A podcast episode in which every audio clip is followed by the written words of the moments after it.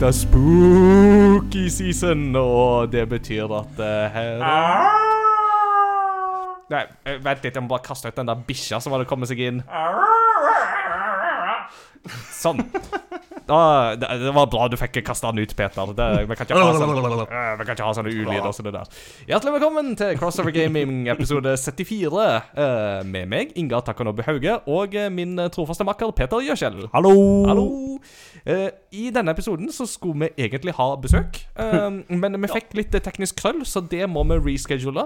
Så det som skjer da, er at jeg og Peter blir, Det blir bare oss to denne gangen òg, med et tema som vi da har vinger. Eh, så dette her eh, kan bli veldig veldig spennende. Resten av episoden er ganske planlagt, men temadelen det kan bli litt spontant, så det kan bli litt artig. Så vi har sittet og planlagt det i i hvert fall åtte minutter nå. Mm. Så det er Hele åtte minutter, tenk det. Whoop, whoop. Um, hvordan er hverdagen, Peter? Eh, Er det noe spennende? Du hadde jo en spennende telefonsamtale i dag, vet jeg. Ja, ja. Jeg blir alltid altså, for jeg, fleste blir jo litt irritert, men jeg, jeg blir litt lykkelig eh, når, du, når jeg tar telefonen og så sier hei, det er Peter, og så hører du bare Hello, I'm calling from Microsoft. There is a problem computer. så da hadde jeg en lengre, god samtale hvor jeg prøvde å fiske ut hva var egentlig problemet med PC-en min i dag, men jeg fikk aldri noe godt svar på det. Mm. Så når jeg da avslutter med å si at ja, jeg føler jo jeg har litt peiling på PC, og så, så ble det dødt i andre enden. Ja, så sånn kan det gå. Ja så det, ja, ja, det var artig. Mm. Jeg koste meg i hvert fall. Ja, spennende, spennende. Eh, sånn I min ende så har det vært litt sånn rolig de siste par ukene. Sånn iallfall sånn Game Rector og jobbmessig og sånt. Jeg skal jo ha ferie nå neste uke, så det blir veldig smooth. Men i dag så var det litt eh, ekstra kjekt, for i dag så kom Switch OLED i posten. Deilig. Hey! Åh, ja. Så det skal bli veldig artig. Jeg har ikke fått testa den ennå. Um, og jeg har venta på denne her, så det betyr at jeg har ikke spilt Metroid Dread ennå. For jeg ville spille Metroid Dread på den nye når den kom. Stemmer. Så det blir ikke Metroid Dread denne gangen. Det kommer jeg nok til å snakke om neste gang når jeg har hatt ferie. Det kan jeg egentlig si ganske sikkert. Um, men det skal bli mye annet kjekt å snakke om. Um, Og så kan jeg jo nevne at um, Jeg tror jeg får lov å nevne det. Det blir skal bare fin reklame for de. Eh, men eh, jeg har fått eh, lånt ut en del eh, gaming-stæsj eh, til Til um, Hva skal du si, da? En, en YouTube-kanal. Ja. Mhm. Eh, for det har seg jo sånn at eh, Misjonssambandet, som jo både du og meg jobber for, tilfeldigvis, Mhm. eh, de eh, har jo en ungdomsside som heter iTro. Og så har de da en YouTube-kanal som er retta for 7 til 12, som heter Intro. Eh, og de på intro de skulle ha en eh, episode om uh, noe gaming-relatert. Jeg tror det var Super Mario Maker 2 de skulle spille. Og da var det sånn Mm, sånt, ja. har, du, har du litt Mario-stæsj som vi kan pynte med? Jeg var bare sånn «Eh, La meg se det, det, det, det, det, det. Ja, det, det skal være det slo meg jo faktisk at Mario og Pokémon Det var kanskje noen av de tingene jeg hadde minst av sånn i farten. Men, eh, men med en gang jeg begynte å ta fram Switch-spill og GameCube-spill og diverse ymse sånt, så gikk det ganske bra. Det var jo et av mine elever som var med Mm. i den episoden òg, så jeg er jo sjøl veldig spent på hvordan det gikk. Jeg sendte melding, med en i stad, og Ja. han syntes det, gikk, det var veldig kjekt, og det gikk veldig bra. Ja. Så den kommer da på Det blir på fredag, når den eh, førstkommende fredag, når episoden her er ut. Ja, det blir da, ja. ja. Mm. Så da blir det fin reklame. Og det er jo da for 7 til 12, så da kan det hende at det er noen eh, av de som lytter eh, på Noen av dere som hører på, som har kids i den alderen, så kanskje det er noe dere kan se i dag. Mm. Intro der, altså. Jeps. Speaking of intro, nå har denne introen her holdt på lenge nå. Skal vi gå i gang? Wow.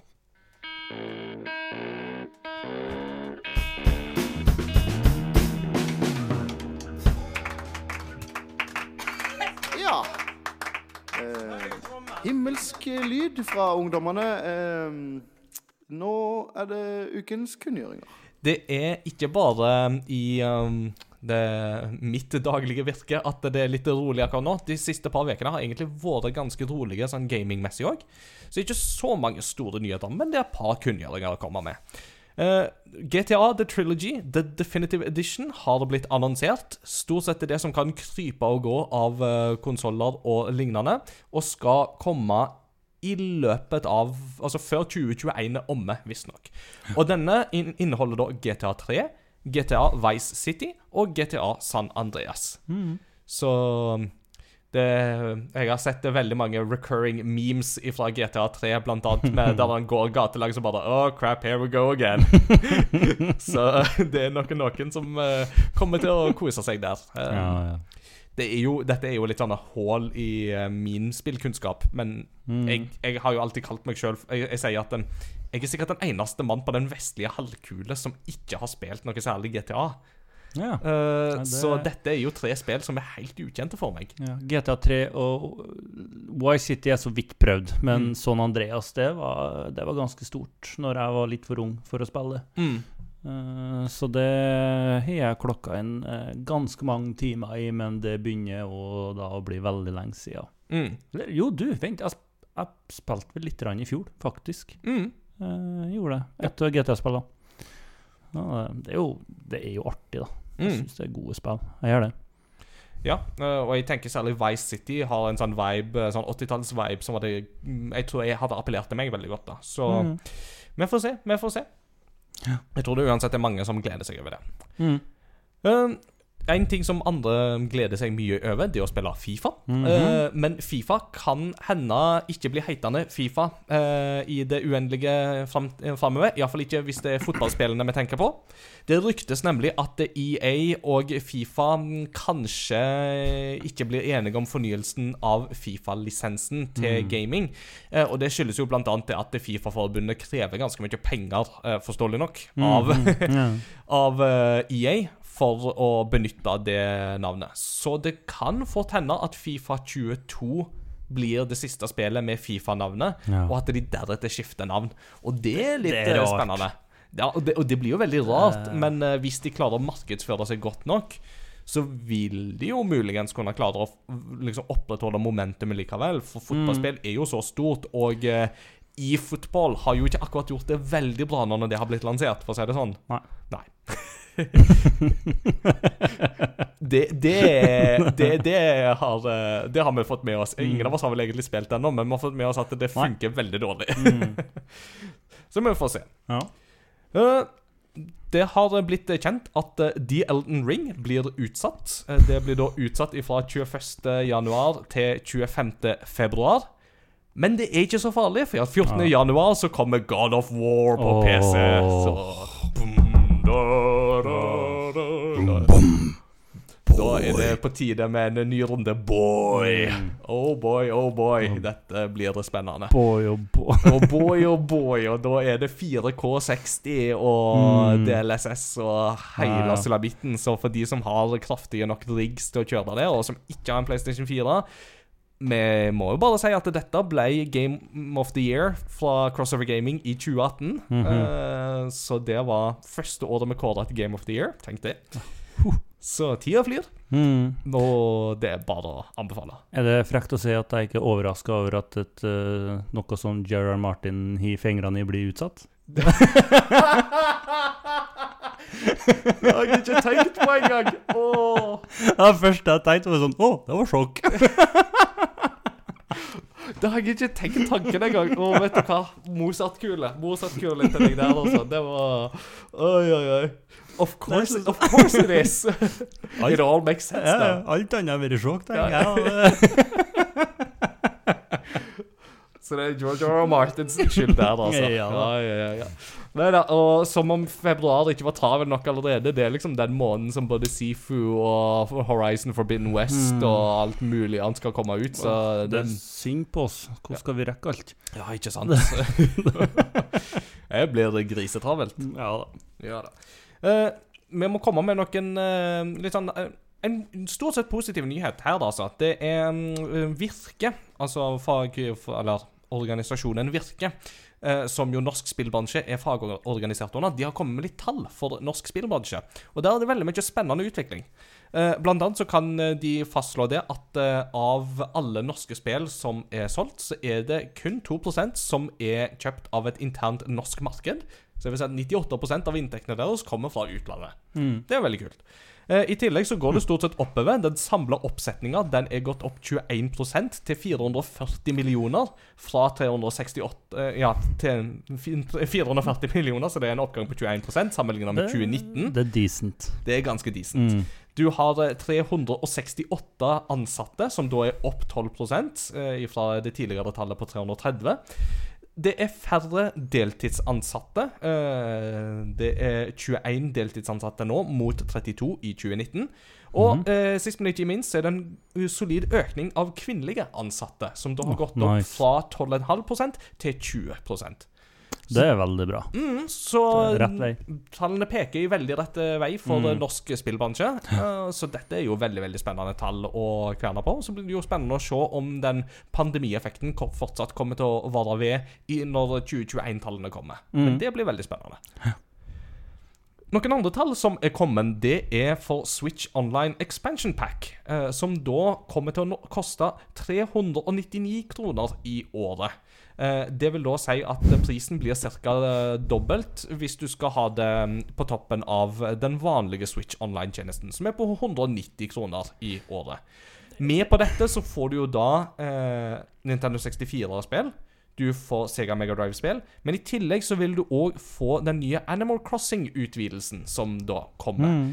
Det hadde de jo en uh, direct om. uh, det var vel den 15., tror jeg. Der de viste fram uh, noe gratisinnhold som kommer til Animal Crossing, bl.a. Brewsters Café. Men så kommer det i tillegg en betalt utvidelse, som eh, i praksis er en sånn her interiørdesigner eh, um, tjenester som minner litt om det tredje spillet som heter Happy Home Designer, som var et Animal Crossing-spill. Stemmer. Mm. Det er jo altså 399, det er ikke dyrt. Nei, det er det jo ikke. Men det er Men- klart at doll, altså på, per dollar så er det jo fra 1999 dollar til 49,99 dollar. Ja, Så det, det, er en god, det, er, det er en god oppgang, men Mm. altså, det er ikke mange kebaber, så Nei, det er det jo ikke. er det good to go. Mm. Og for min del så kjenner jeg at 499 hadde fort blitt litt sånn eh, Skal jeg ha dette? Jeg har jo stort sett de fleste av de spillene Mm. liggende Mm. uansett. Men med 399 kroner så er det en mye mer gunstig tjeneste med en gang. Og det kommer jo et par spill til den tjenesten som er litt sånn Spill som jeg ikke har spilt. Altså Et eksempel er jo Sin and Punishment, som jo da aldri har vært lansert utenfor Japan før. Som er en Mm, sånn um, on-rail shooter. Mm. Som visstnok var veldig veldig bra, fordi at de pusha veldig hardt på det sånn teknisk for å få det til å flyte godt, og Mm. 60 frames og hele pakka, og liksom Det var en sånn teknisk showcase. Ha. Mm. Så Og så mm, Ja, altså, man kan jo argumentere med at det er jo fortsatt billigere enn de andre tjenestene, men samtidig, hvor mye du får i forhold til de andre tjenestene, vil jo òg være litt sånn så som så, da. Men, eh, men uh, det er jo iallfall et par titler som jo du har utpekt som noe sånn Det er veldig aktuelt for deg, med annet to Zelda-spill. Det er et par Zelda-spill som er mm, alt, absolutt opp der og frister meget. Det er jo det. Og så kommer det jo mer etter hvert. Så, det blir jo ja, ja. Altså, Bibliotekmulighetene der er ganske store og fine, så det er Mm. ganske gøy. Siste nyhetssak som jeg har notert, det er da at uh, PlayStation 5 og Xbox Series-versjonene av Cyberpunk 2077 blir utsatt til 2022. Det er kanskje ikke så uventa når vi nå snakker slutten av oktober og ikke har hørt noe. Ja. uh, men det viser jo fortsatt at uh, det spil, det spillet kanskje ble lansert i litt for eh, Litt tidligere enn det skulle ha blitt lansert. Ja, ja. Samtidig så det, det, det var jo nesten risikosport å vente så lenge som de gjorde òg, fordi folk eier jo ikke skam. Mm. Uh, så det, det, er så, det, er vanskelig, det der. Mm. Uh, hvordan, hvordan skal balansere det. Mm. Så det men altså heller, heller drygge litt for lenge og få en ordentlig, ordentlig god oppdatering. Ja da, det, det er klart det. Det nå, nå er de jo først der at nå kan de bare vente, tenker jeg. Mm. Altså, ja. Spillet er lansert i den tilstanden det er lansert i. Det får man ikke gjort noe med, men man kan få gjort noe med de nye konsollversjonene. Det kan Mm. de. Ja, ja, absolutt. Mm. Mm. Eh, ellers så ser jeg at du har eh, funnet fram en nyhet på tampen. Uh, ja da. Det er i- i forbindelse med Call of Duty, uh, så har de jo det, Altså, cheating i Call of Duty er jo et stort problem. Mm. Og da, da annonserte de jo nå eh, 13., eller forrige uke, det. Uh, nye anti-cheat-systemet deres, Uh, altså Ricochet, eller hvordan du uttaler det. Ricochet? Anti, ja, anti-cheat, som er skal på en måte et, et første store mot, eh, svar, eller for å motarbeide eh, cheating. Og det er da eh, rett og slett eh, software som blir installert på PC-en din. Um, som da eh, kontrollerer alt av program som brukes i forbindelse med Warzone. Mm. Eh, og da tar de og, ehm, og sjekke om det er et eller annet som kan gi deg fordeler i eh, spillet. Det er et software som kun skrur seg, det skrur seg på kun når Warzone er påskrudd, og så skrur det seg automatisk av når Warzone ikke er i bruk, i forbindelse med sånn eh, private security Ja. og sånn der. Um, uh, ja, det tok vel et døgn før det var noen som mente at de hadde ordna en hacking som klarte å bypasse det programmet. Mm. Så vet ikke helt uh, hvordan vi legger an i dag. Jeg har jo et forslag om å hvis, hvis at folk har uh, over 10-15 KD, så bør du uansett sjekke opp dem, for det er umulig for et vanlig menneske å få til. Mm. Så ja, jeg syns de er litt I min verden så virker det mye lettere. Men det blir spennende å se når de arbeider videre på det. Det Mm. kommer ut i forbindelse med Vanguard. Call of Duty Vanguard. Vanguard, ja. ja for Mm. det, det er jo ikke så langt unna nå. Nei da, det er rett rundt hjørnet, det. Mm, det er så. Det blir Så det, ja, det blir veldig spennende hvordan det blir, og om det blir merkbar forskjell, for det er til tider helt katastrofe. Mm. Uh, ja. Det, jeg satt og så på en stream her hvor eh, de møtte på Det var vel seks runder, så var det fire runder hvor de møtte på cheaters. Mm. Og det ja, Så det ødelegger jo hele gameplayet. Ja. Det det. det. Det, Men- det vil man ikke. Kanskje, kanskje de kunne lagt inn en sånn greie med her at de hadde hatt den der anti-cheat-softwaren, og hvis da anti-cheat-softwaren merker at det her er det noen som driver på å klusse med en bypass eller en hack, så sprenges datamaskinen. Oh. Altså, Die Hard 4. Ja, altså hvis, nemlig, altså, hvis New World kan fritt frityrsteike grafikkortene til de som har 3090 grafikkort, så må jo Call of Duty klare å gjøre det samme. Det tenker jeg òg. Ja, ja, ja. Det burde være det minste å få til. Mm.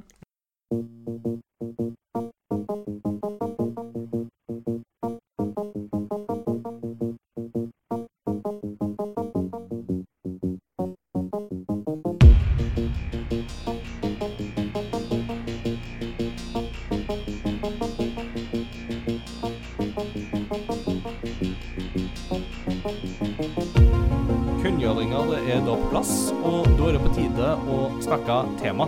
Ja. det temaet vi hadde, det mm, setter vi på vent, eh, sånn at vi kan få med gjesten og snakke om det. Mhm. Men eh, i fasten så, så, så drev vi på og skjøt litt sånn fram og tilbake alternative tema. Og ett tema som vi da slengte ut, det var 'Hjelp, min kjæreste slash ektefelle slash samboer spiller ikke. Hva gjør jeg?' Og, og dette er jo en litt sånn interessant problemstilling. Det er jo den der um, evige problemstillinga, tror jeg, for veldig mange. Um, heldigvis ikke for alle som gamer at de har den problemstillinga. Det er jo ikke sånn For å si det sånn, gaming og eh, samliv er, er, er på samme måte som med tro og vitenskap. Du trenger ikke å velge én av delene. Du kan faktisk få begge deler. Eh, og, men, men for veldig mange så er jo dette en problemstilling som man stadig kommer tilbake til. Mm, Eh, altså, ja, ja, du ser jo på Discord nå at det er jo flere som spør eh, hvilke spill kan man prøve seg på sammen med sin kjære eller sin ektefelle. mm. Så Og da er jo spørsmålet um, hva, hva, hva skal man si i den forbindelse? Altså, hvor begynner man uh, i disse tilfellene?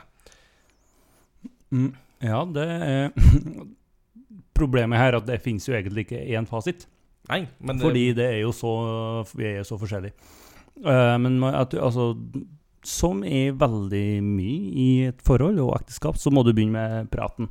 mm, Uh, hva Og liksom, ja Når dere snakker om interesser og hva han liker å gjøre og sånt, uh, og da hvilke forventninger har du til den andre partneren når det kommer inn til dine interesser? mm, Eh, sånn som eh, Jeg har et mål om at når min kone finner seg en interesse, så har jeg lyst til å, jeg har lyst til å prøve å være flink og sette meg inn i den. Og, ja.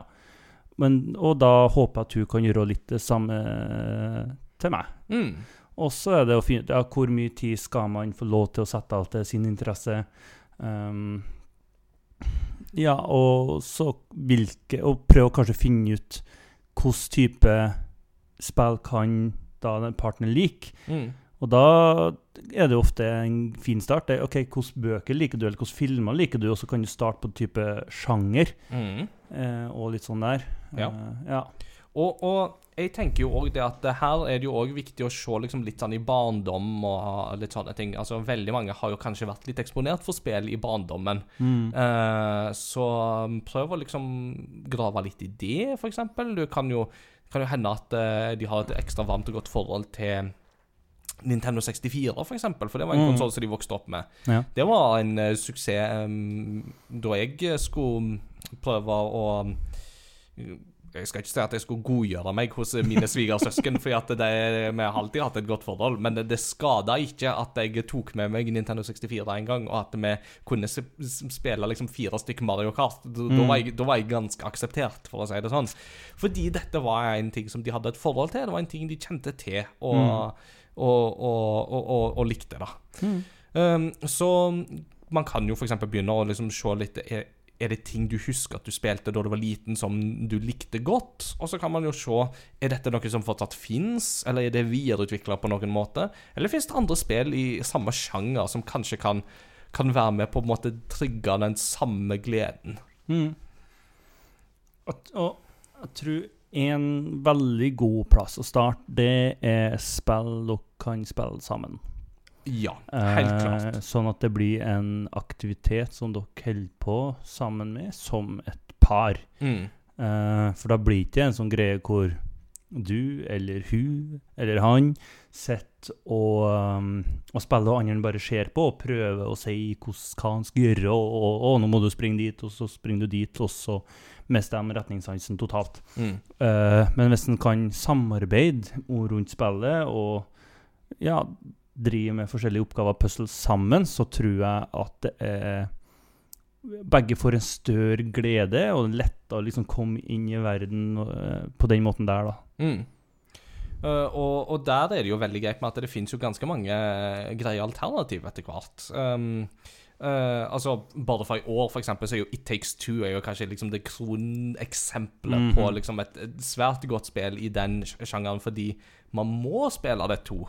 Eh, og min erfaring der i alle fall er at uh, nå, nå er jeg heldigvis såpass heldig at jeg har en ektefelle som òg er med og spiller uh, en del, men vi spiller gjerne litt forskjellige spill og har kanskje litt forskjellig Litt forskjellig kompetanse, på en Mm. måte. At jeg har gjerne mer breddekompetanse og eh, flere år på baken, både gamingmessig og i livet generelt. Eh, men, men, men det gikk veldig fint å spille det i lag, f.eks. Mm. Um, og så tenker jeg jo òg på det med at um, er det jo en sjanger som man virkelig ikke skal på en måte kimse av når det kommer til det å få til å spille sammen, så er det jo dette med partyspill. Mm, ja, ja. Uh, og er det jo Altså jeg savner jo litt det der gamle Guitar Hero rockbandet. Altså, for de spillene fungerte så utrolig godt til akkurat det der. Mm. Eh, og SingStar, ikke minst. For, Ja, altså, ja. det var På mange måter så kan man liksom argumentere med at det var ikke spill. Altså, SingStar kan jeg til nøds forstå at det er mer en glorifisert karaoke-simulator. Men Guitar Hero og Rockband, det vil jeg faktisk mene er rytmespill eh, i Altså, veldig hvis du er uenig, sjekk noen av disse klippene på YouTube. Det er noen av dere som sitter og spiller Guitar Hero, som umulig kunne ha gjort noe annet de siste ti åra, for det går så fort! Mhm. Det er helt det, Jeg fatter ikke at det mm. Nei, ikke sant. Og, og jeg husker jo i min studietid så var det jo Vi hadde jo egne kvelder med rockband og Mm. Guitar Hero og sånt, og det var alltid god stemning. Det var ja, jo ja. Og, og fun fact, det var jo første gangen jeg traff kona, så var jo hun igjen etter alle andre. Uh, og vi satt sant. til kvart på to og spilte Guitar Hero Metallica. Oh. It was meant to be. Oh, det er fint. Det skal òg legges til. Jeg er A-menneske. Ja, det Jeg er klar til å legge meg da klokka blir ti. Du, det, ja, for det er liksom Ingar Hauge gamer etter klokka ti. Artig! Ja. Det ja, det er ikke ofte. Nei, nei, nei. Så, men så, så har man partyspill av den typen der. Eh, Mm. Altså, Har du fortsatt de instrumentene? Altså, Har du fortsatt liksom muligheten til å dra fram sånne gamle instrument og sånt? Eh, så få med noen venner i tillegg til da din partner, ektefelle, kjæreste. Og så gjør dere en aktivitet ut av det. Mm. Da, da er det mye gøyere med en gang enn hvis det bare er sånn Ja, nå skal du og meg kose oss. Eh, Mm. Her, ta gitar. Eh, jeg vet ikke hva jeg skal gjøre. Mm. Eh, Du kan justere vanskelighetsgraden så godt, og det er veldig lett å gjøre det tilgjengelig. da. Mm. Så har du for så vidt Mario Party. Ja, Og ikke sant? Eh. Eh, som jo òg er i veldig den partymodusen. Og det Mm. kom jo nytt nå i Det det. og, og nå i slutten av oktober. Nå neste uke så er det jo sånn Best of Collection som Mm. jo kommer. Og altså, Mario Party har ødelagt ganske mange vennskap opp gjennom årene, men du verden, da la bundet noen sterkere sammen òg. det skaper minner. Det Mm. gjør det. Det gjør jo det. Uh, og og eh, sånne spill som Overcooked, for eksempel, også, som jo er Mm. liksom veldig prega av det der samarbeidsaspektet. Mm. Ikke sant? Som er Jeg tror jeg er veldig viktig i denne forbindelse her. Ah, ja. Og det over, Har du spilt det? Eh, aldri sjøl, personlig, men jeg har bare sett på, og det ser jo det aldeles festlig er ut. så artig. Og så frustrerende. Og så slitsomt. Men helt fantastisk.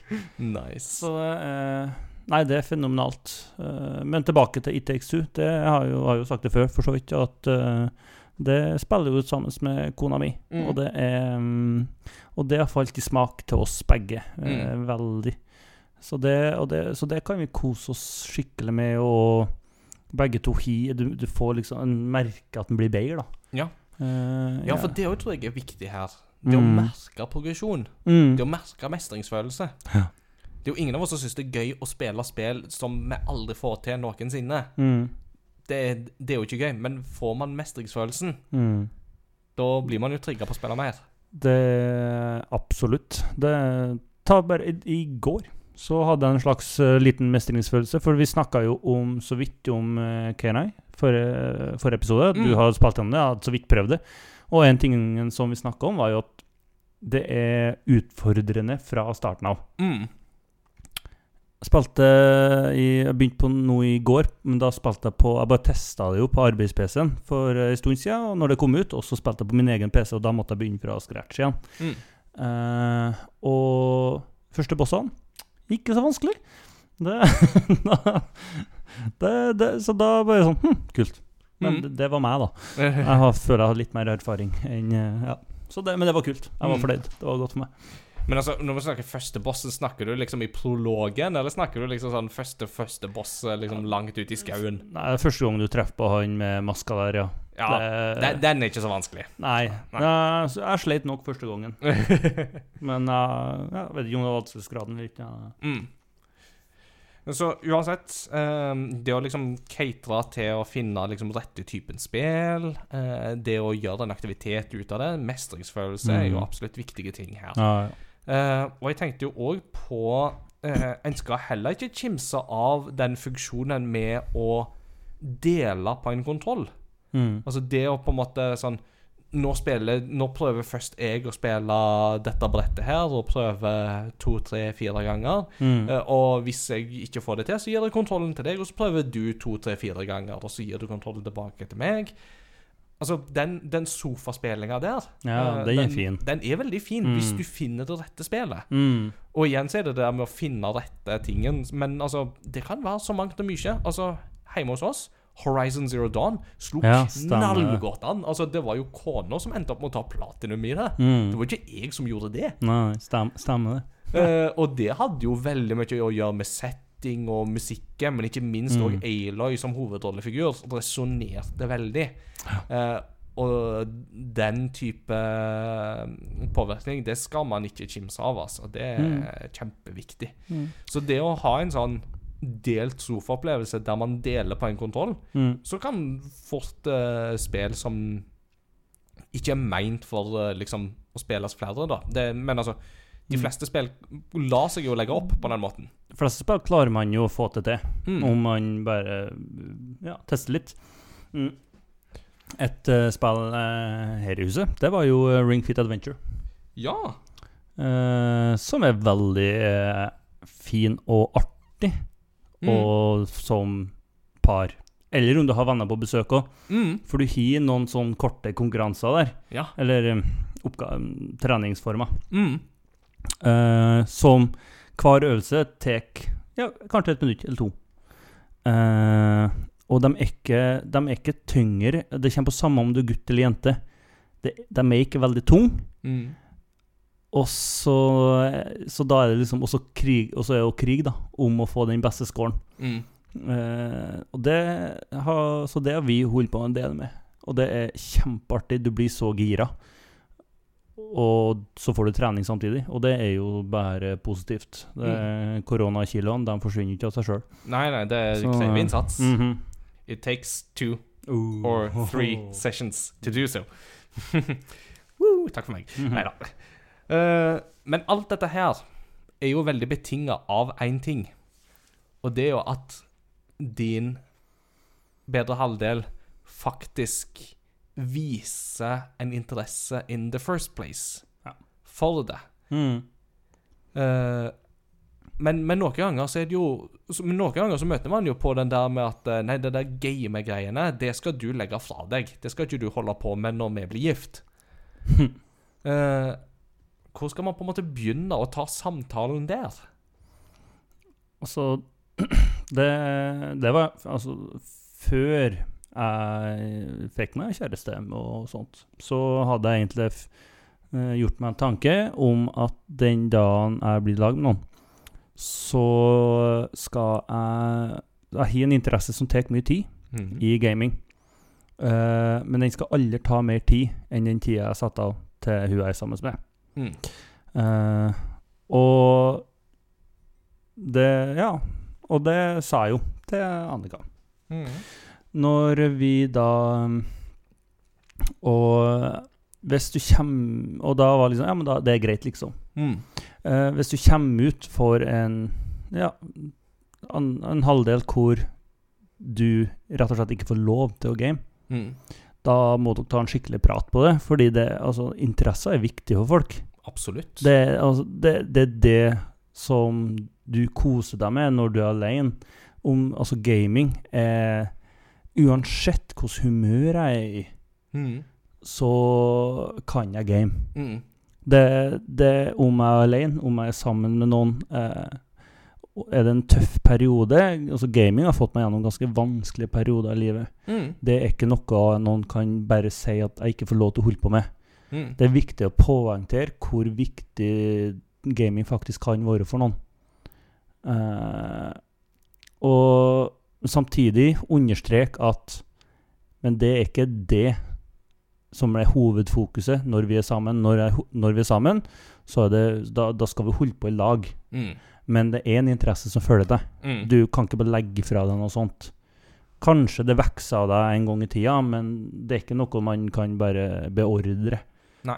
Uh, og da, da har andre et problem med det, så må bare dere må ta en lang prat på det. Og Mm. finne ut at hvordan Litt hvorfor. Ja.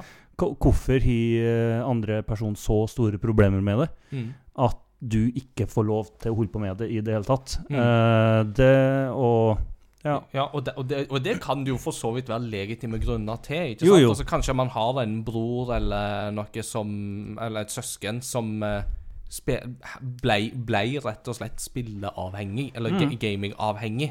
Altså der på en måte alt av sosial aktivitet og skole og arbeid og alt bare um, gikk til grunne på grunn Mm. av um, et MMO, eksempel. ja. Uh, og at man dermed har fått så negative assosiasjoner med det at, at man rett og slett ikke vil ha noe med det å gjøre. Altså, Mm. og, det, og det er jo en helt legitim grunn å ha. Uh, men da er det jo, som, som du sier, viktig at man har den praten, Mm. og faktisk prøver å få kartlagt disse tingene. Og da, som du sier, ikke sant, at det er kjempeviktig at uh, vi som gamer, vi må selvsagt så er det de personene som er viktigst i vårt liv, Mm. det er de som er de, vikt, altså det er de som er viktigst. De må alltid få kjenne at de er det viktigste i Mm. vårt liv. Men det å ha en interesse og pleie den, gjør ikke, altså er ikke negativ i forhold til, til det. Eller setter liksom ikke det Nuller ikke det ut, er det jeg prøver å si. Mm. Uh, og i alle forhold så er det absolutt viktig å ha egne aktiviteter som man kan holde på med. Mm. Uh, som man kan holde på med fordi det gir en sjøl glede og avkobling. Og som ikke nødvendigvis den andre skal ha del i. Men jeg tror det er viktig likevel at man kan respektere det. Eh, For hvis man ikke kan det, så, så, så vil man jo fort komme til et eh, skjæringspunkt. Ja. Uh, Det, det er viktig at andre eh, vedkommende føler seg hørt på, sjøl om Mm. du ikke er enig. Uh, og hvis det er hun eller han eller andre ja, har pro, eh, erfaringer som gjør gaming problematisk, så må du Du må jo på en måte bevise at du er ikke Du har ikke et problem med det. Du er ikke noe du, Hun skal ikke frykte gaminga, sjøl om du driver med det. Mm. Og det kan hende at det må arbeides med over en lengre periode, Mm. men hvis det er en interesse du er glad i, og du er glad i partneren din, så er det en kamp som er verdt å ta, fordi dere begge får så mye godt ut av det. Ikke sant. Uh, ja. Kanskje du får unger som blir interessert i gaming, og da må du ha hele runden på nytt igjen, liksom. Ja, ja. Ja, for det, det kan jo fort skje. Mm. Altså, for vi vet Altså, gaming er for, altså, Det er mye folk som har problemer med det, det vet vi jo. Mm. Så det er Men da, ja, vis at det er ikke alle sammen som er under den Ja, Du må ikke, må ikke kamme alle under ei skjære. mm, ja, Nei. Mhm. Så det, nei, det er, men det, det er komplisert, da. Ja. Det, det, det er det absolutt. Men eh, ja, start med å prøve å interessere. Derfor mm. hennes og uh, hans, og hun for dine.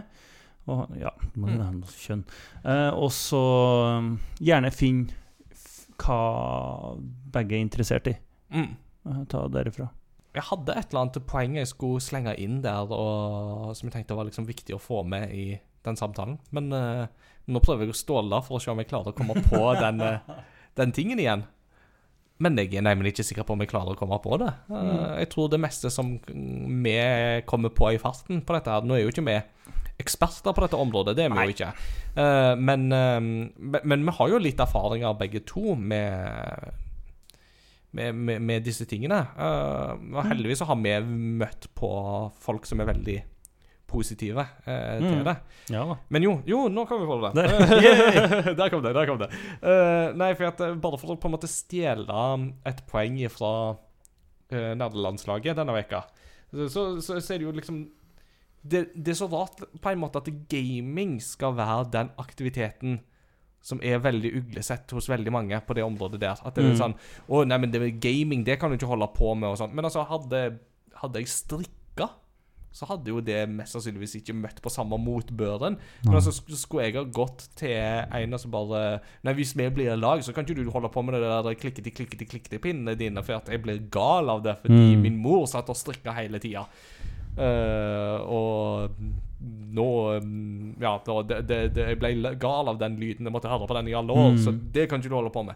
Så hadde jo det vært litt rart. Mm. Ikke sant? Altså, da, da hadde det jo helt klart vært tydelig at uh, der har jeg et anstrengt forhold til det, som kanskje er litt mer anstrengt enn det det trenger å være for at det skal Mm. være sunt.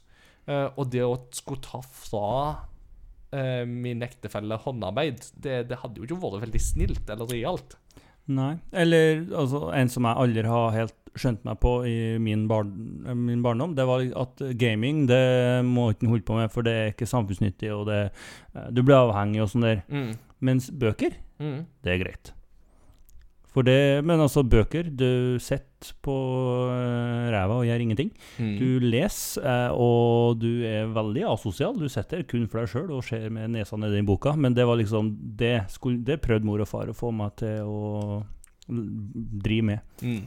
Uh, lyktes bitte litt. uh, men det, ja, men liksom det, Mm. det er jo en som jeg aldri helt har skjønt hvorfor det ene er greit og ikke det Mm. andre.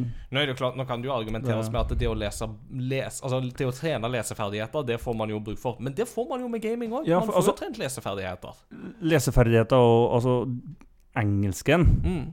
Jeg er ikke så god til å låse engelsk, men uh, uttalen min, i uh, hvert fall når jeg er i en vanlig samtale, er eh, ganske mye bedre Mm.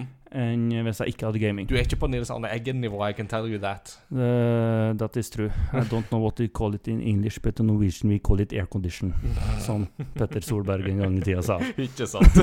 en av hans beste. oh. Eh, men men, òg det der med uh, samfunnsnytte. Mm. Altså, sånn, nei, Du kan ikke gjøre det fordi det er ikke nyttig for samfunnet. Men det er jo ikke alt vi gjør i livet som er det, og som trenger det det. å være det. Mm. Altså Og bare det å kunne få ha en god avkobling, Mm. restituere, eh, tenke på andre ting, kjenne på mestringsfølelse, Mm. ikke minst. Alle de tingene der er ting som er kjempeviktige for oss for å på en måte kunne fungere best mulig i en vanlig Ja hverdag. Og er ikke det samfunnsnyttig? Mm. Altså, Det å ha friske, oppegående mennesker, det er jo kjempesamfunnsnyttig. Jeg vil påstå det. Så Nei. Mm. Det, da, da hadde jeg fått sagt det som jeg prøvde å kvele på så veldig lenge. Da mm, tenker jeg at um, vi tar en pause. Ja. Og så kommer vi tilbake til del to. Da skal vi ha en veldig spennende lytterpost. Mm. Ja. Og så har vi jo spilt noen ting de siste par ukene, så det blir artig å ta en sitrep på det. Da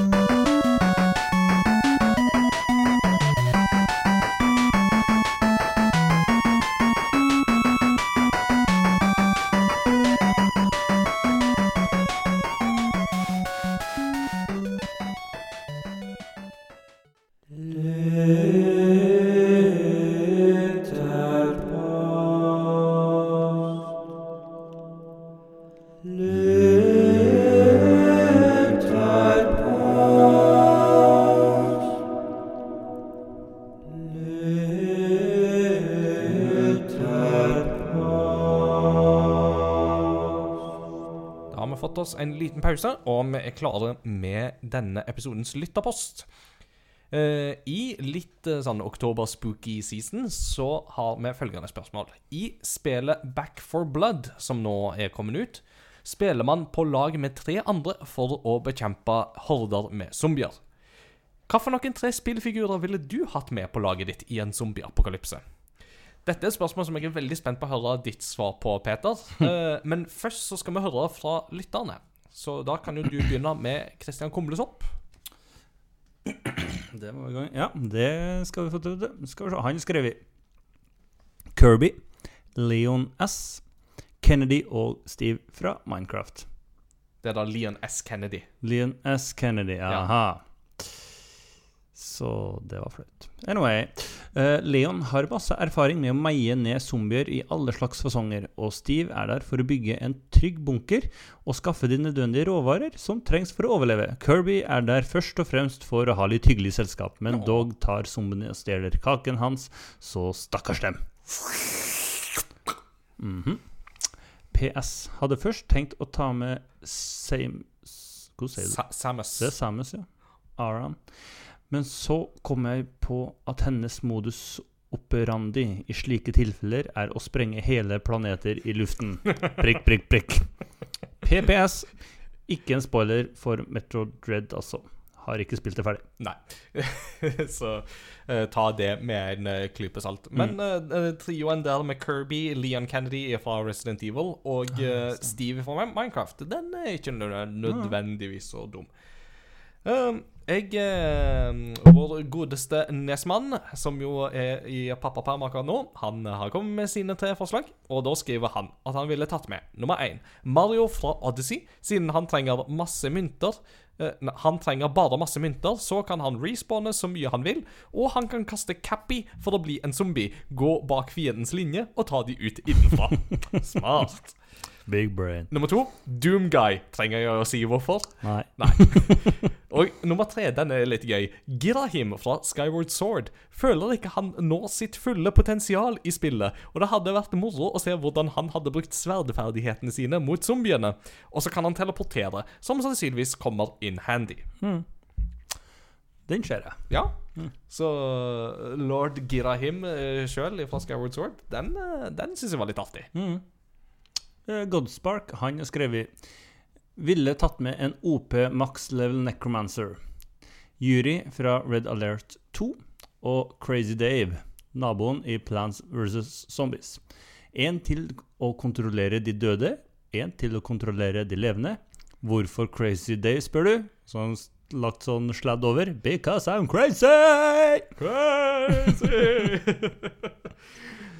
ja, så ikke en dum tanke, det. Nei. Eh, Den eh, lengste lytterposten denne gangen Den kom fra Silja Lith, aka Sigrun, som jo var med for et par episoder siden. Og hun skriver Jeg liker virkelig ikke zombier, så jeg tar med meg tre karakterer som ødelegger hele lytterposten. Hehe. Nummer én Siri fra The Witcher 3. Så kan jeg og vennene mine enkelt og greit hoppe til en helt annen verden og ha det gøy. Da blir jeg jo heller aldri lei, siden vi kan reise til hvilket som helst spillunivers Oh. og møte og interagere med hvilke som helst karakterer vi ønsker. Men til tross for dette vil jeg likevel ha med meg to som jeg tenker vil bidra positivt. Og da kommer nummer to. Sheogorath fra Elder Scrolls-spillene. Nå var det jeg som måtte lure på om jeg uttalte ting her. Men jeg tror det er Sheogorath eller Sheogorath fra The Elder Scrolls-spillene. Når man snakker om å ha det gøy, kan man ikke komme unna den daedriske prinsen av galskap. De to ordene gal og gøy er jo ikke så like som de er uten grunn. Vi kan ha det gøy med å utforme zombiene til ost, f.eks.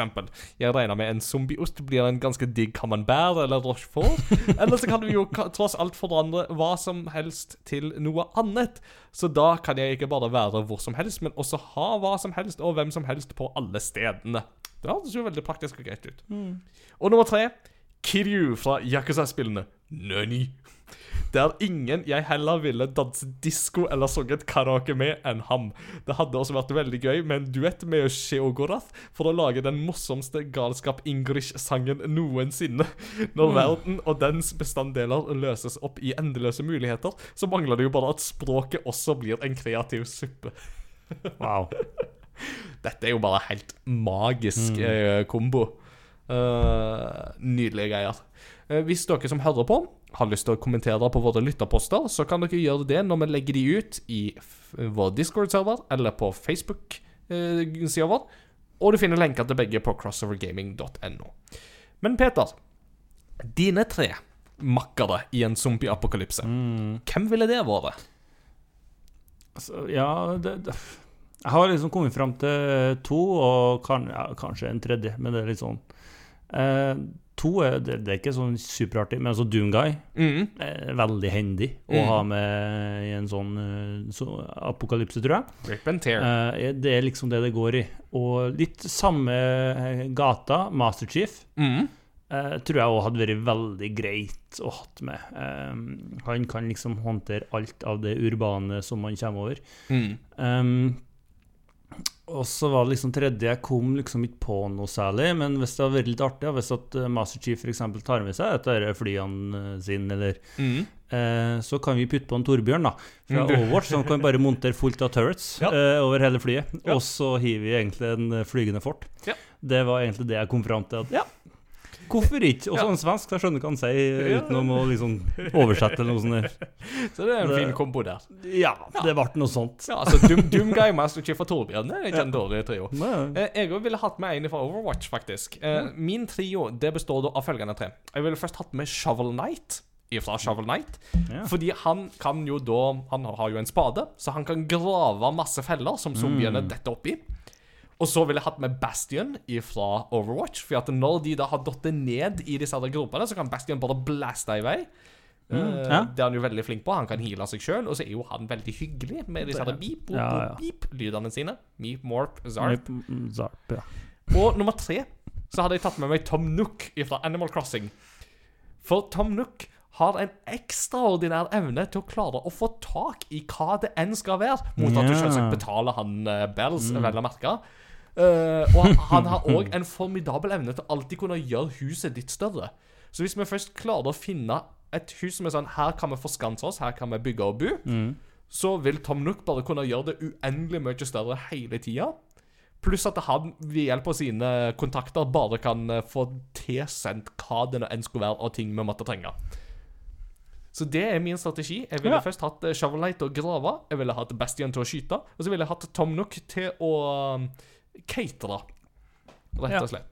Så mm, jeg, hadde, jeg, hadde jo blitt en gjeldsslave i Det eh, zombieapokalypsen òg, men altså, hei, noen Vi må jo ha en del Altså, med, A sense of normality må vi jo Mm. ha, tross alt. Ja, ja, absolutt. Så um, hvis studielånet går fyken, så må jeg jo ha et annet lån å Mm. betjene. Og hva er vel da bedre enn å ha Tom Nook-fan tross alt med rentefrie lån. Mm, ja, du må ha litt lån, så at den kjen- kjenner at den lever. Mm, ikke sant? Som om ikke zombie-apokalypsen er ille nok.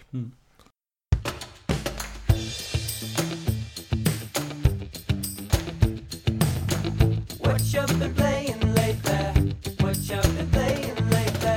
What you been playing lately? What you been playing lately? Da er jeg litt spent på å høre, Peter. Eh, de siste par ukene, Ja. hva har du spilt? Ja. Ja. Takk til deg. Det ja. det, Ja, nei, i siste litt av det vanlige med Warzone, uh, Rocket League, Mm. uh, Horizon Zero Dawn. Um, kom i skikkelig gang med Kenai, Bridge of Spirit. Ja. Og um, fikk klokka inn et par timer der.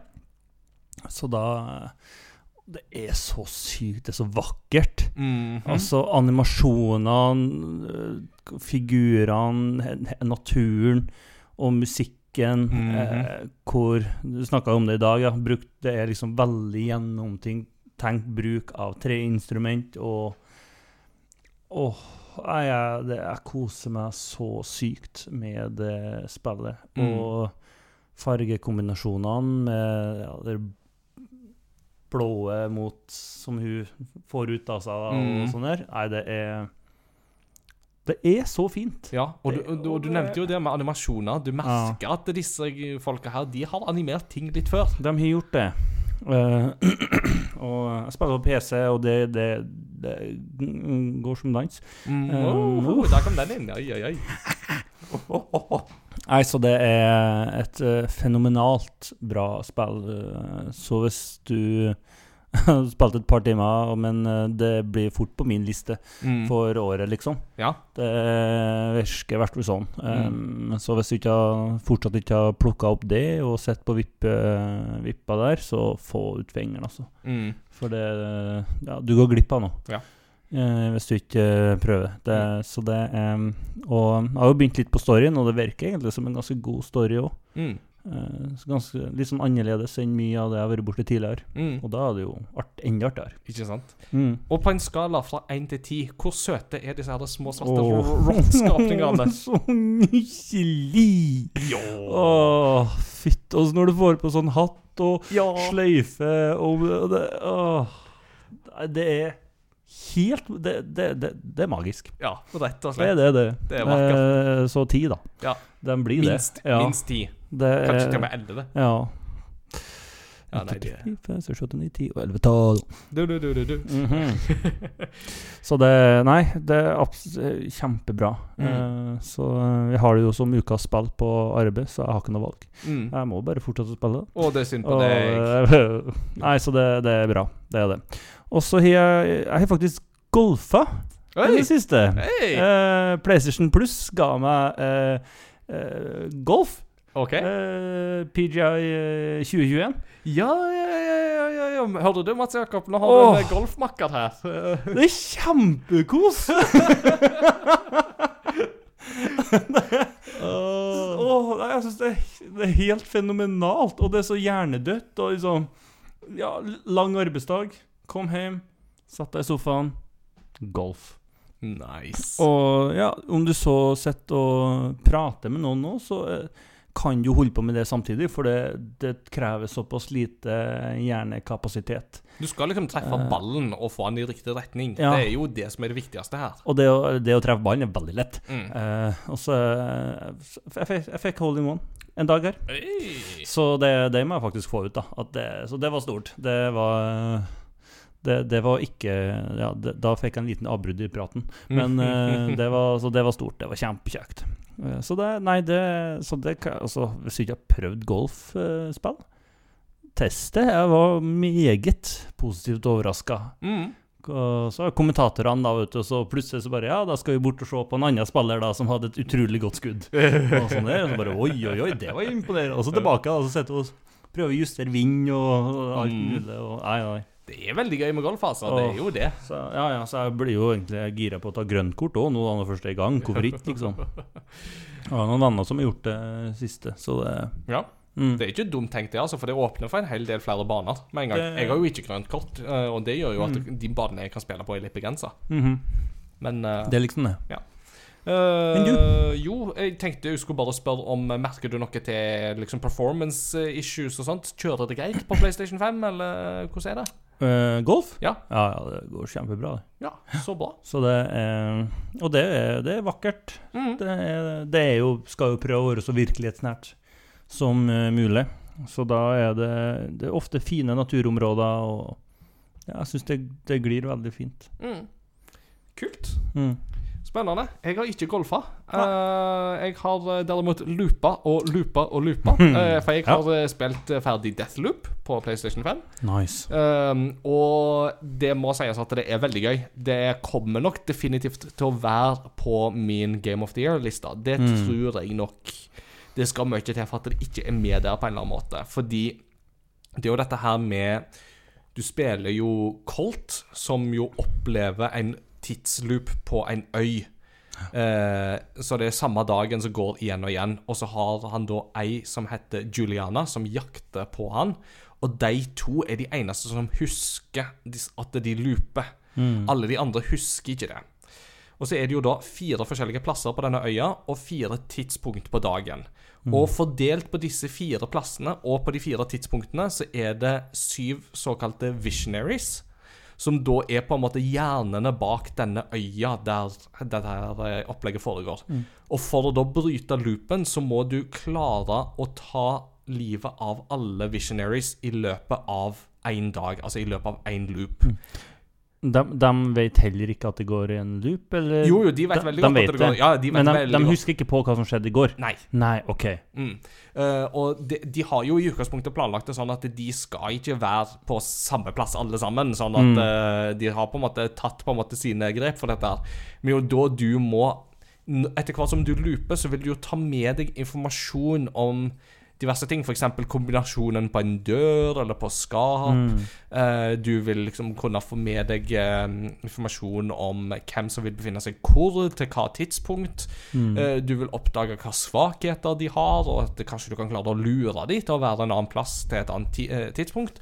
Og så må du jo da sakte, men sikkert sette dette her sammen til et puslespill, Mm. som da gir deg liksom den endelige løypa som du kan gå for å ta alle syv i løpet av en dag. Mm. Eh, for det fins i utgangspunktet bare én siste eh, løsning på dette. Men dette er det jo Arcane Leon som har laga, og det er jo det samme studioet som tidligere har stått bak spill som Dishonored og Prey. Ja, Som jo er spill i det som jeg kaller for immersive sim-sjangeren. Som jo blant annet også Deus X eh, er et eh, godt eksempel på.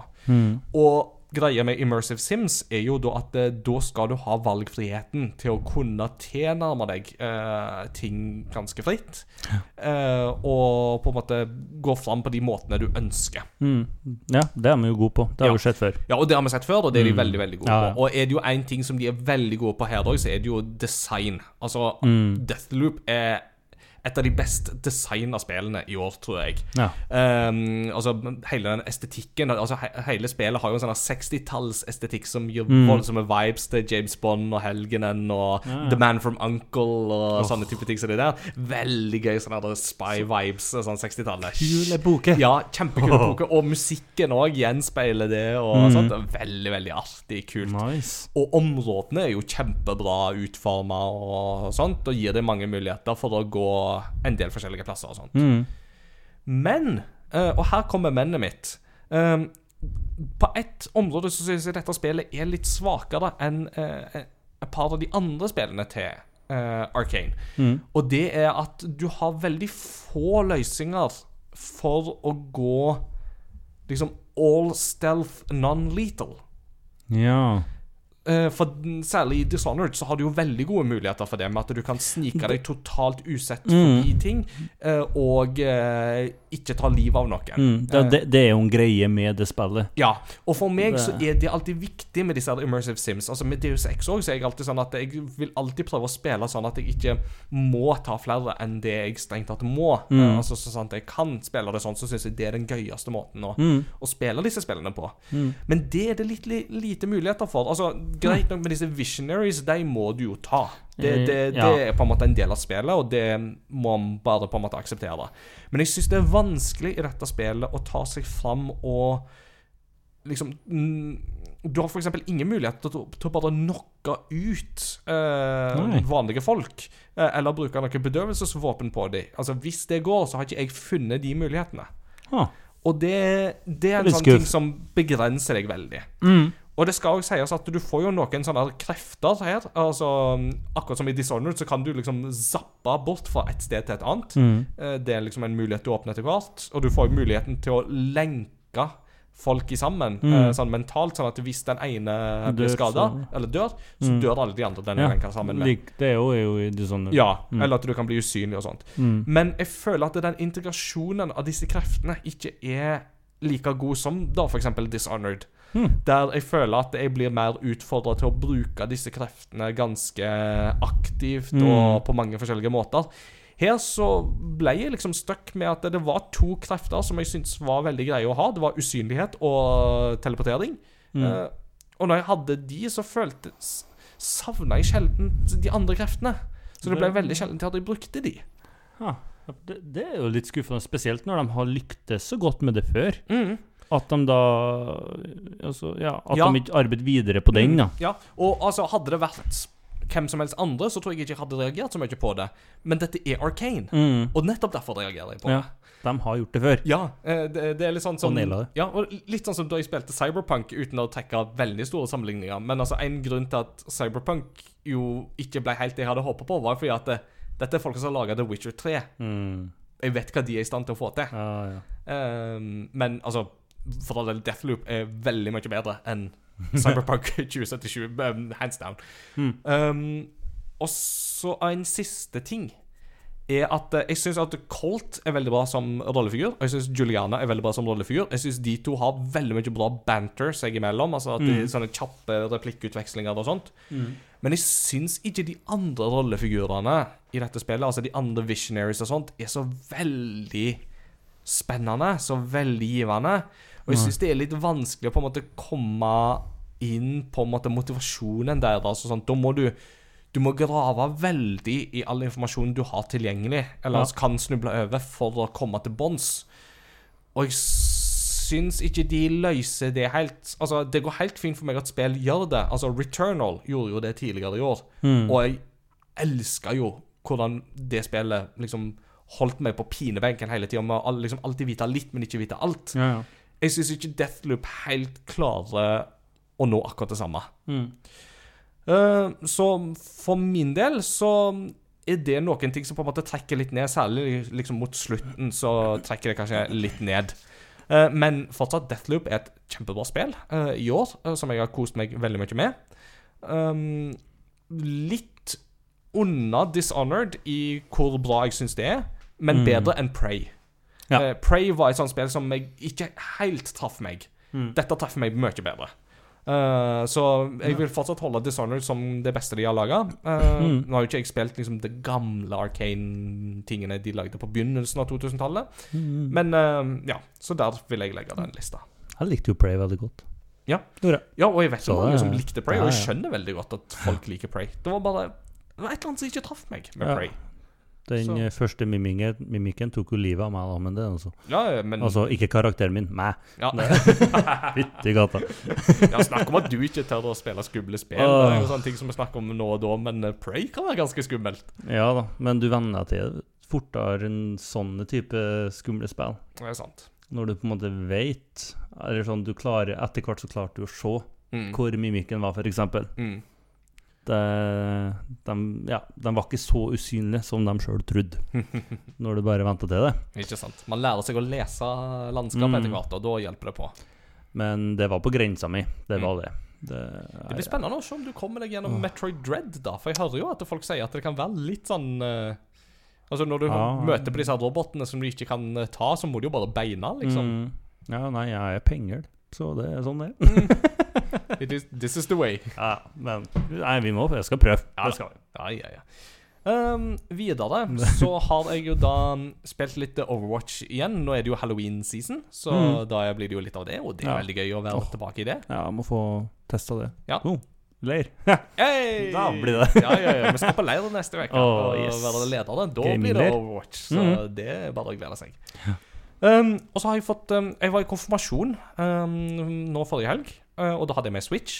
Og jeg fikk ikke brukt den så mye som jeg hadde tenkt. Jeg ble sittende og lese masse istedenfor. Mm, Men nice. jeg eh, fikk så vidt begynt litt på The Legend of Zelda Skyward Sword HD. Uh. Da fikk jeg endelig begynt litt på det, og det må sies altså at det å se hvor sømløst det spillet kjører i 60 bilder Åh, det, det spillet blir bare enda mer magisk Åh, av dette. Jeg har ikke spilt så stort mer enn liksom en times tid, men Mm. bare sånn det, det har jeg veldig lyst til å bruke mer tid på nå, selv om det bare er et knapt år siden jeg spilte det sist. Uh, og speaking of Zelda, det skal vi jo nå spille i retrospillauget, faktisk. Eh, der skal vi jo spille A Link to the Past, Stemmer. som jo er på Super Nintendo. Og det er jo bare å slenge seg på for folk som har lyst til det. Kult. Mm. Men eh, Skyward Sword HD Det ser bare aldeles nydelig ut så langt. Og mm, jeg har bare spilt i håndholdt Switch-modus, men kontrollsystemet eh, funker veldig bra så langt, i alle fall. Så det gleder jeg meg til å teste Nice, nice. videre. Og så sist så har jeg eh, kjøpt og begynt på Psychonauts 2. Og det er litt gøy. Ja.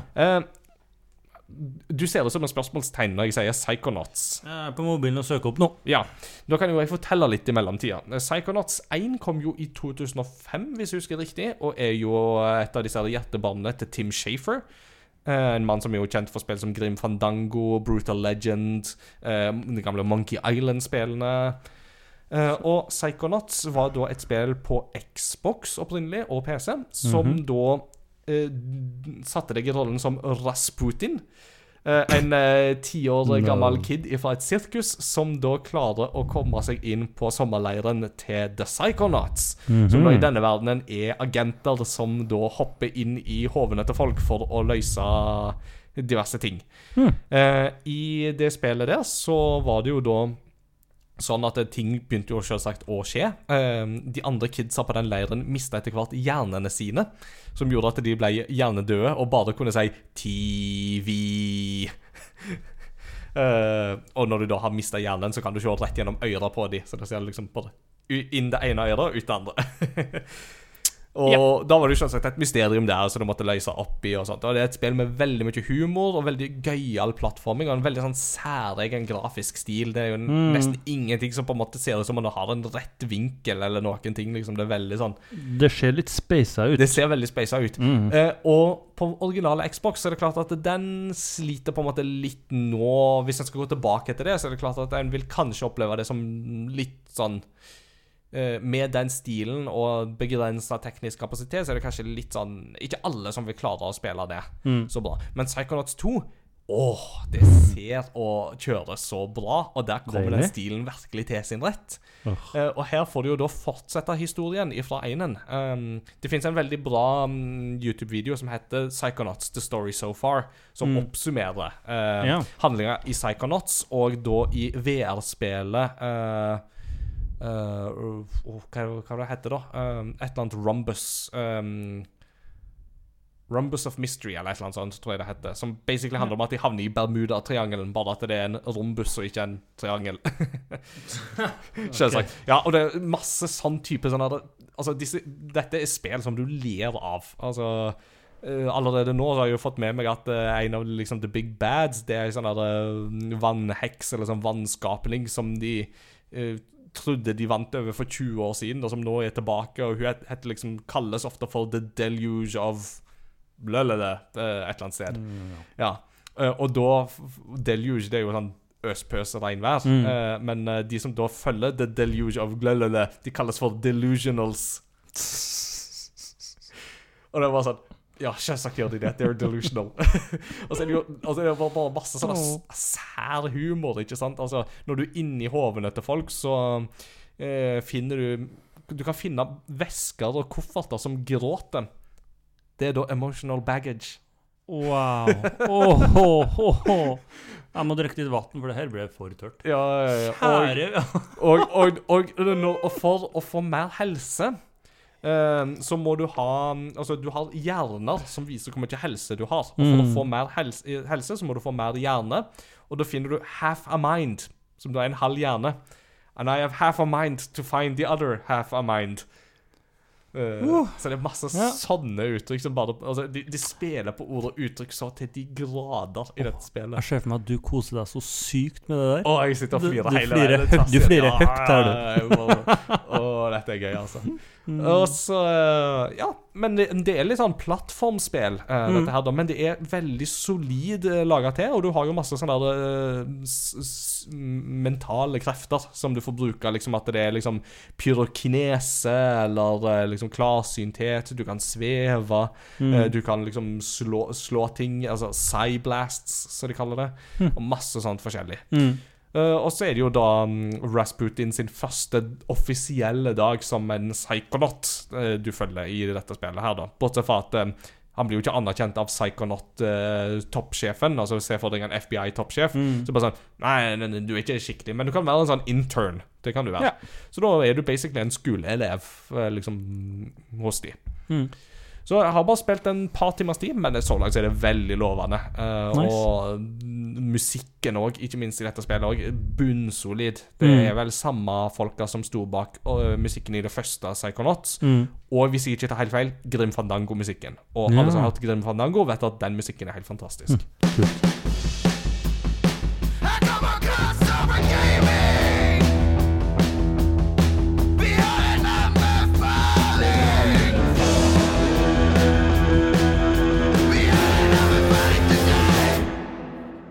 er på tide med en liten anbefaling, og her må vi ta oss og vinge det litt eh, her òg.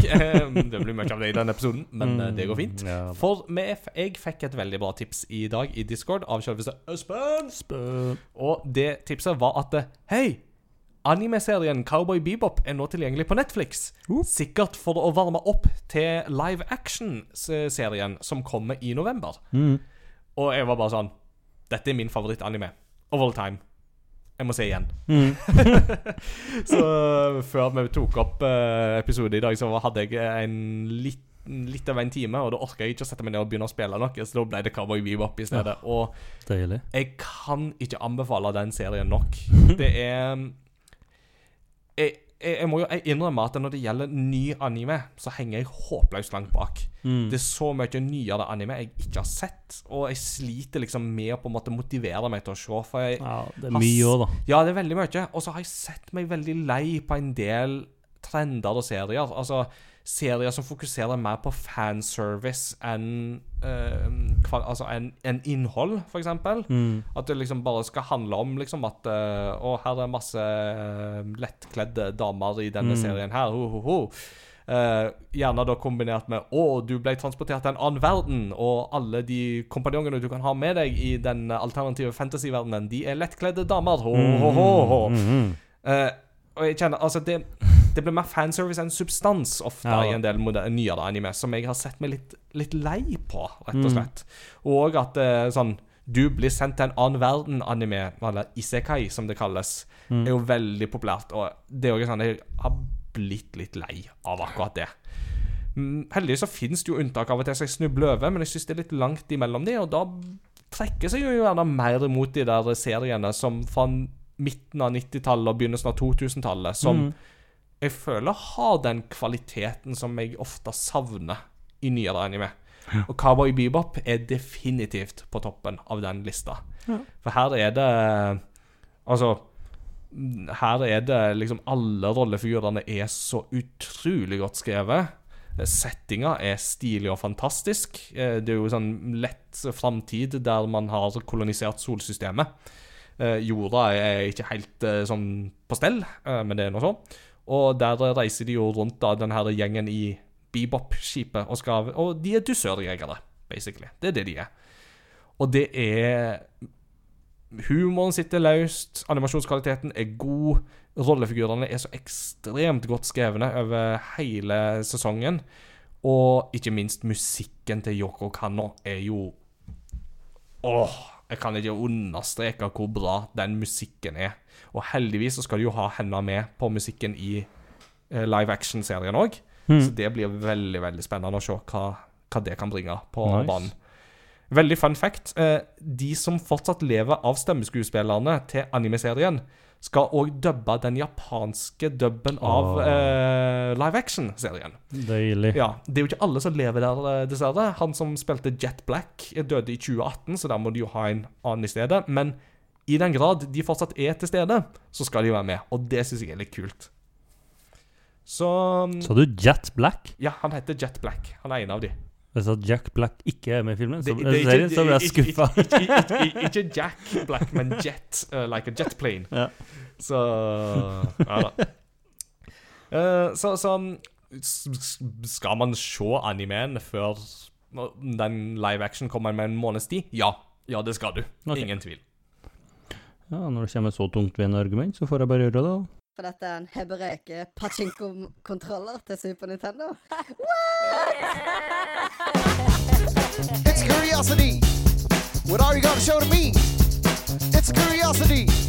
What a neat thing to know. It's curiosity. What are you gonna show to me? I haven't even heard of it. What a neat thing to know. It's a great part of the show. Mm, Ikke sant? ja. Ja. Så hva, så hva er the great part of the show i dag? Eh, I dag så skal vi til en verden som både du og jeg er veldig glad i. Jaha. Ja da. eh, det, vi skal da til em, det kjære Midgard. Uh, Middle-earth, uh, Ringenes herre-verden. Mhm. Eh, men da ikke akkurat til bøkene og sånn der, men litt med filmene. Og da sikter vi oss inn på inn mot planlegginga av filmene. Mm. Um, vi vet jo, eh, de fleste av oss i hvert fall, at uh, Peter Jackson er jo da regissør uh, for uh, filmene. Det er jo tre filmer, men det var jo ikke alltid det skulle bli tre filmer. Nei. Eh, en god periode så lå det an til å bli bare én film. Mm. Og etter hvert så års, Et av årsakene var jo da bl.a. en som het um, Harvey Weinstein. Ja. Han har vi jo hørt mye lugubert om de siste årene. Ja. Så, Men, øh, han er en gris. ja. Anyway, han øh, skulle Det var han og Peter Jackson som øh, Eller han satt på da en del sånne rettigheter, var det vel, eh, gjennom um, de som eide um, Tolkien-lisensen, da.